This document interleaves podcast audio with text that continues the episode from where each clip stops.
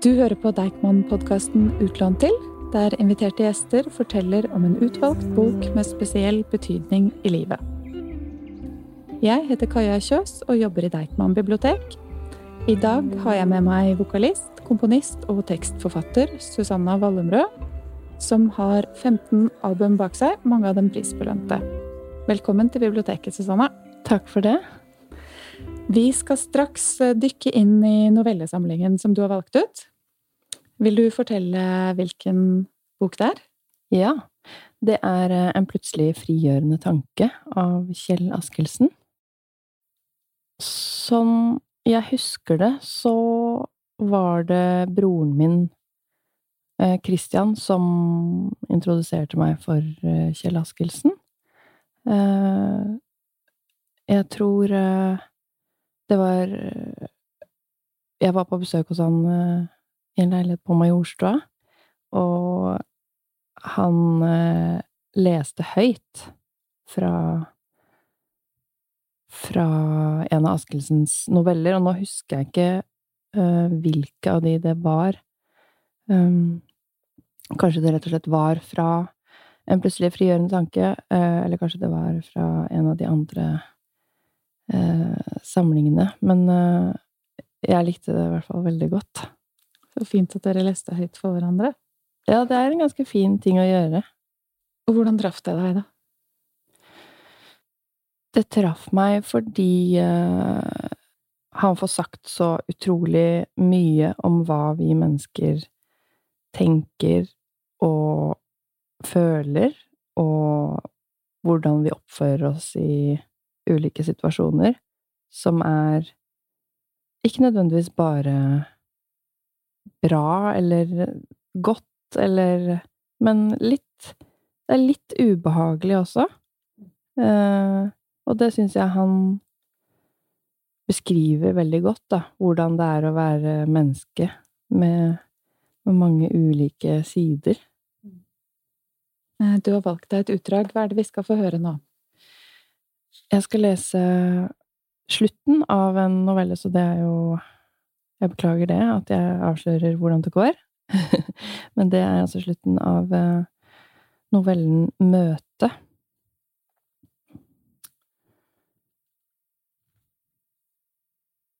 Han åpnet døren. Faren satt i stolen med det høye ryggstøet og så på ham. Jeg kommer for å si farvel. Du reiser? Ja. Det var ikke slik jeg hadde tenkt meg det. Ikke jeg heller. Jeg skulle ønske jeg forsto deg. Han svarte ikke. Jeg ble så glad da du skrev at du ville komme. Jeg er lei for at det endte slik. Er du det? Hva mener du? Er du virkelig lei for det? Det sa jeg jo. Jeg ville ikke slåss med deg, jeg ville ikke engang få rett over deg. Si meg en ting, far, sett at jeg ikke hadde vært din sønn, sett at du bare kjente meg, visste det samme om meg som du vet nå, ville du da ha gledet deg til å treffe meg, til å ha meg boende under ditt tak? Det ville selvfølgelig ikke ha vært det samme. Nei, og hvis du bare hadde vært et medmenneske og ikke min far, da ville jeg ikke ha oppsøkt deg. Men betyr ikke det at det bare er en konvensjon som binder oss til hverandre? Vi er far og sønn, altså har vi vær så god å vise hverandre hengivenhet, gjør vi ikke det, får vi skyldfølelse. Men hvorfor? Er det noen rimelig grunn til å tro at en hengivenhet er biologisk betinget? Vi forlanger jo ikke av oss selv at vi skal føle hengivenhet for en nabo eller en kollega. Jeg vet ikke om du skjønner hva jeg mener? Jo, så det er slik du ser det, en konvensjon. Måtte Gud tilgi deg de ordene, Gabriel. En dag vil du måtte innse hvor feil du har tatt. Det har du bestandig sagt. Så langt tilbake jeg kan huske, har du forutsagt en dag, prikk, prikk, prikk, så annerledes alt kanskje kunne vært hvis du ikke hadde trodd på Gud. Eller hvis du hadde trodd på ham. Ja, som det er, er vi dømt til å plage hverandre. Gi ikke Gud skylden for det. Ikke Gud. Ideen om en gud, den seiglivede myten om en makt som rettferdiggjør handlinger og synspunkter som en fremtid vil kalle umenneskelige. Du tror at Gud er målet for en tro, men det er ikke sant. Gud er troen på Gud, og derfor vil Gud dø. Han dør dag for dag. du er besatt. Nei, jeg er bare representant for en fremtid som nekter å ta opp en arv, som nekter å bære Gud på ryggen. Nå skal du gå. Ja. Han gikk mot døren, han la hånden på dørhåndtaket, så snudde han seg og kastet et siste blikk på faren som satt ubevegelig i den høyryggede stolen, med lukkede øyne og hendene knuget om de slitte armlenene. Mm, takk. Hvem er det vi møter her? Vi møter en far og en sønn som uh, møtes uh, etter uh, noe jeg tolker som lang tid, uten at det har vært noe særlig kontakt. Sønnen har uh, flytta hjemmefra og brutt med, med, far og mor og, og det religiøse, sånn jeg tolker det, og han han kommer hjem etter at moren er død, for å Ja, for å finne ut av kanskje om, om det er noe der. Hva er det Hva er det jeg forlot, og hva Han kommer hjem med noen spørsmål som Og så går han på en måte Ender han kanskje opp i den samme slags fortvilelsen igjen, da. At her er det ikke Her er det ikke plass til meg. Hvordan var det å lese den teksten for deg da du var 20? For meg var det helt uh, essensielt, faktisk, uh, å,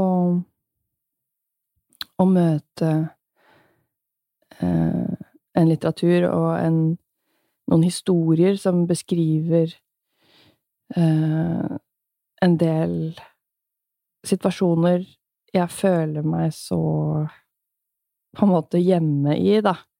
Um, for det her um, Sånn jeg har forstått det, så, så vokste jo uh, Askildsen opp på Sørlandet, i et veldig uh, religiøst hjem.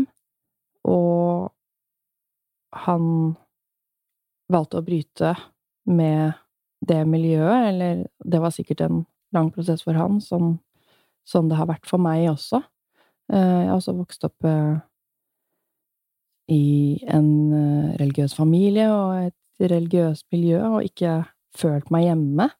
Ikke følt at det var plass til meg som, som tenkende og følende menneske, og et menneske med mange sider, da.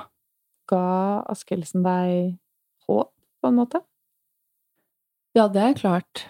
Eh, det er jo enormt befriende å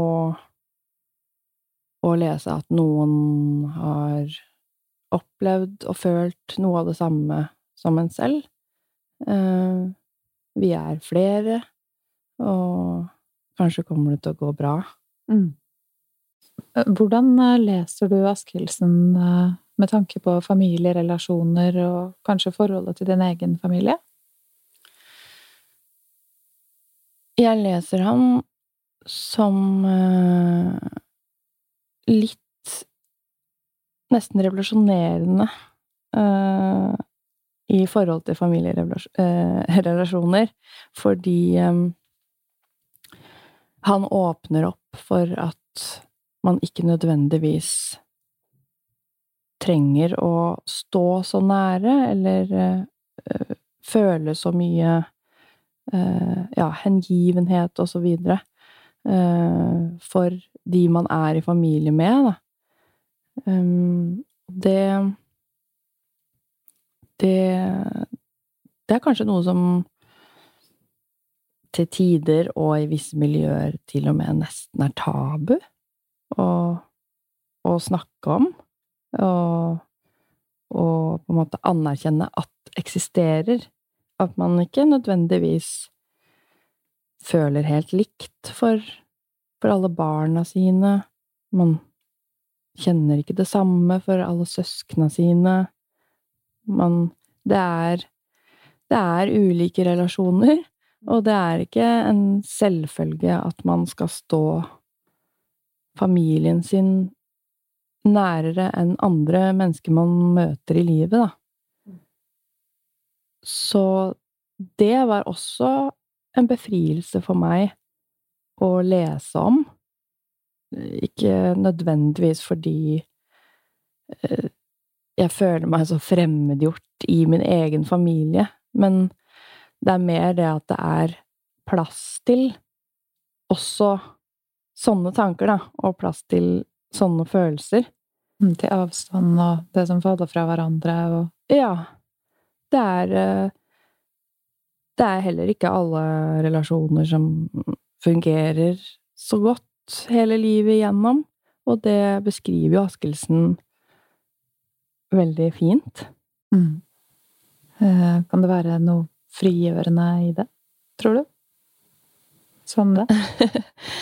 Ja, det er det Det er det absolutt. Um, det er jo frigjørende å å lese om at ting kan falle fra hverandre, og og det er også greit, selv om det er Selv om det er vondt. Vil du lese litt mer for oss?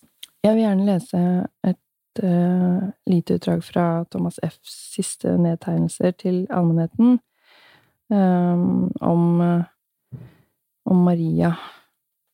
Uh, her syns jeg han han berører både det her Ja, kanskje litt fremmedgjorte, da, i en i en tradisjonelt sett nær familierelasjon, men også beskrevet med veldig masse humor, da, som, som Askelsen var veldig, veldig bra på. Maria. En høst traff jeg overraskende min datter Maria på fortauet utenfor urmakeren. Hun var blitt tynnere, men jeg kjente henne lett igjen.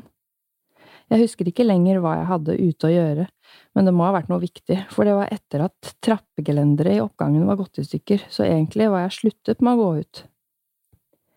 I hvert fall traff jeg henne, og selv om jeg vet bedre, tenkte jeg et øyeblikk, for en merkelig tilfeldighet at jeg skulle gå ut akkurat i dag.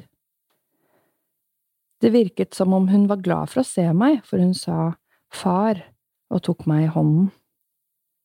Det var henne jeg pleide å like, like best av barna mine.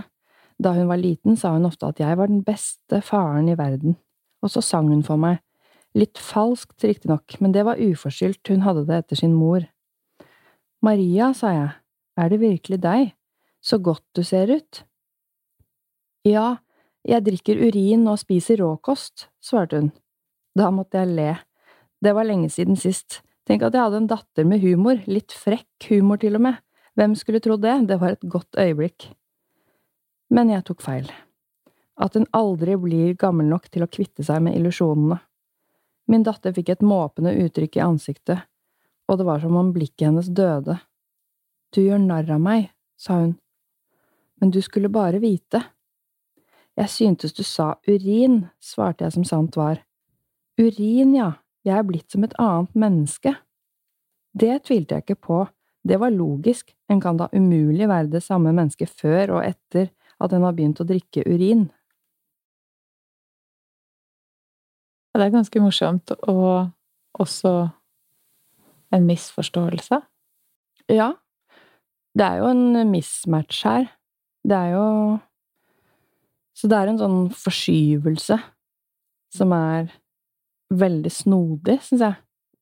Men så syns jeg også det er uh, igjen, da Det er liksom Det er befriende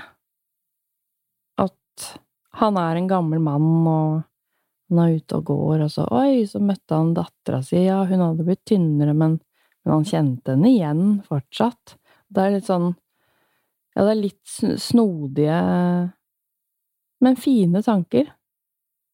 Så, så det åpner opp for Eh, at ja, sånn kan man også ha det. Kjenner du deg igjen? Ja. Det er veldig mye gjenkjennelse i disse i disse personene og historiene, og og det er deilig med noen som kan beskrive også de såre og de flaue og de eh, ikke nødvendigvis så attraktive sidene, da, ved det å være menneske. Det er jo Det er litt smålighet. Det er litt sjalusi. Eh, ja, det Det er jo som man blir litt flau. Og det Det syns jeg er godt. Han er som forfatter som får deg til å se skyggen din litt. Ja, Mm. absolutt. Du har jo jobbet en del med andres tekster som komponist og musiker. Eh, som coverlåter og tonesetting av Gunvor Hofmos dikt. Mm. Har Askildsens bøker inspirert arbeidet ditt på noen måte? Ditt eget kunstneriske arbeid?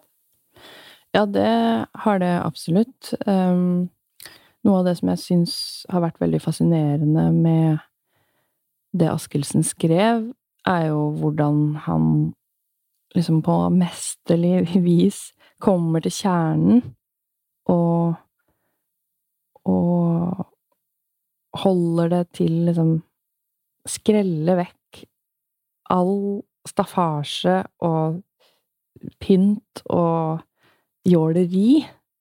Eh, og, og konsentrerer seg om eh, kjernen i budskapet, da. Eh, og det gjør han jo på en så fantastisk måte. Veldig inspirerende måte. Og eh, noe jeg ser opp til og tenker at jeg aldri kanskje helt vil oppnå, men det er jo i hvert fall et eh, ideal, da, Mm. å ha. Hva skjer da?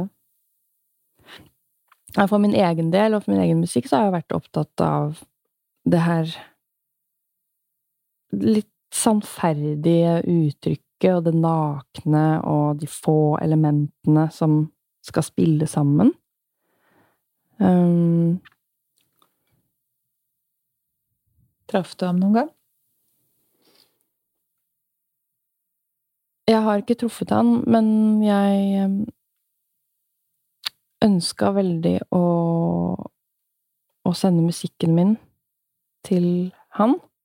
Så jeg tok kontakt med forlaget og, og sendte av gårde en CD mm.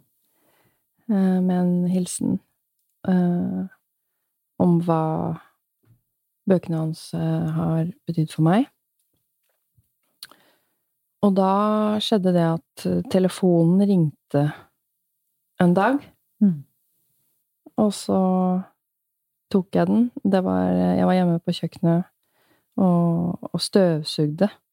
Så jeg slo av støvsugeren og tok telefonen. Og, og så var det Hei, det er Kjell Askildsen i andre enden.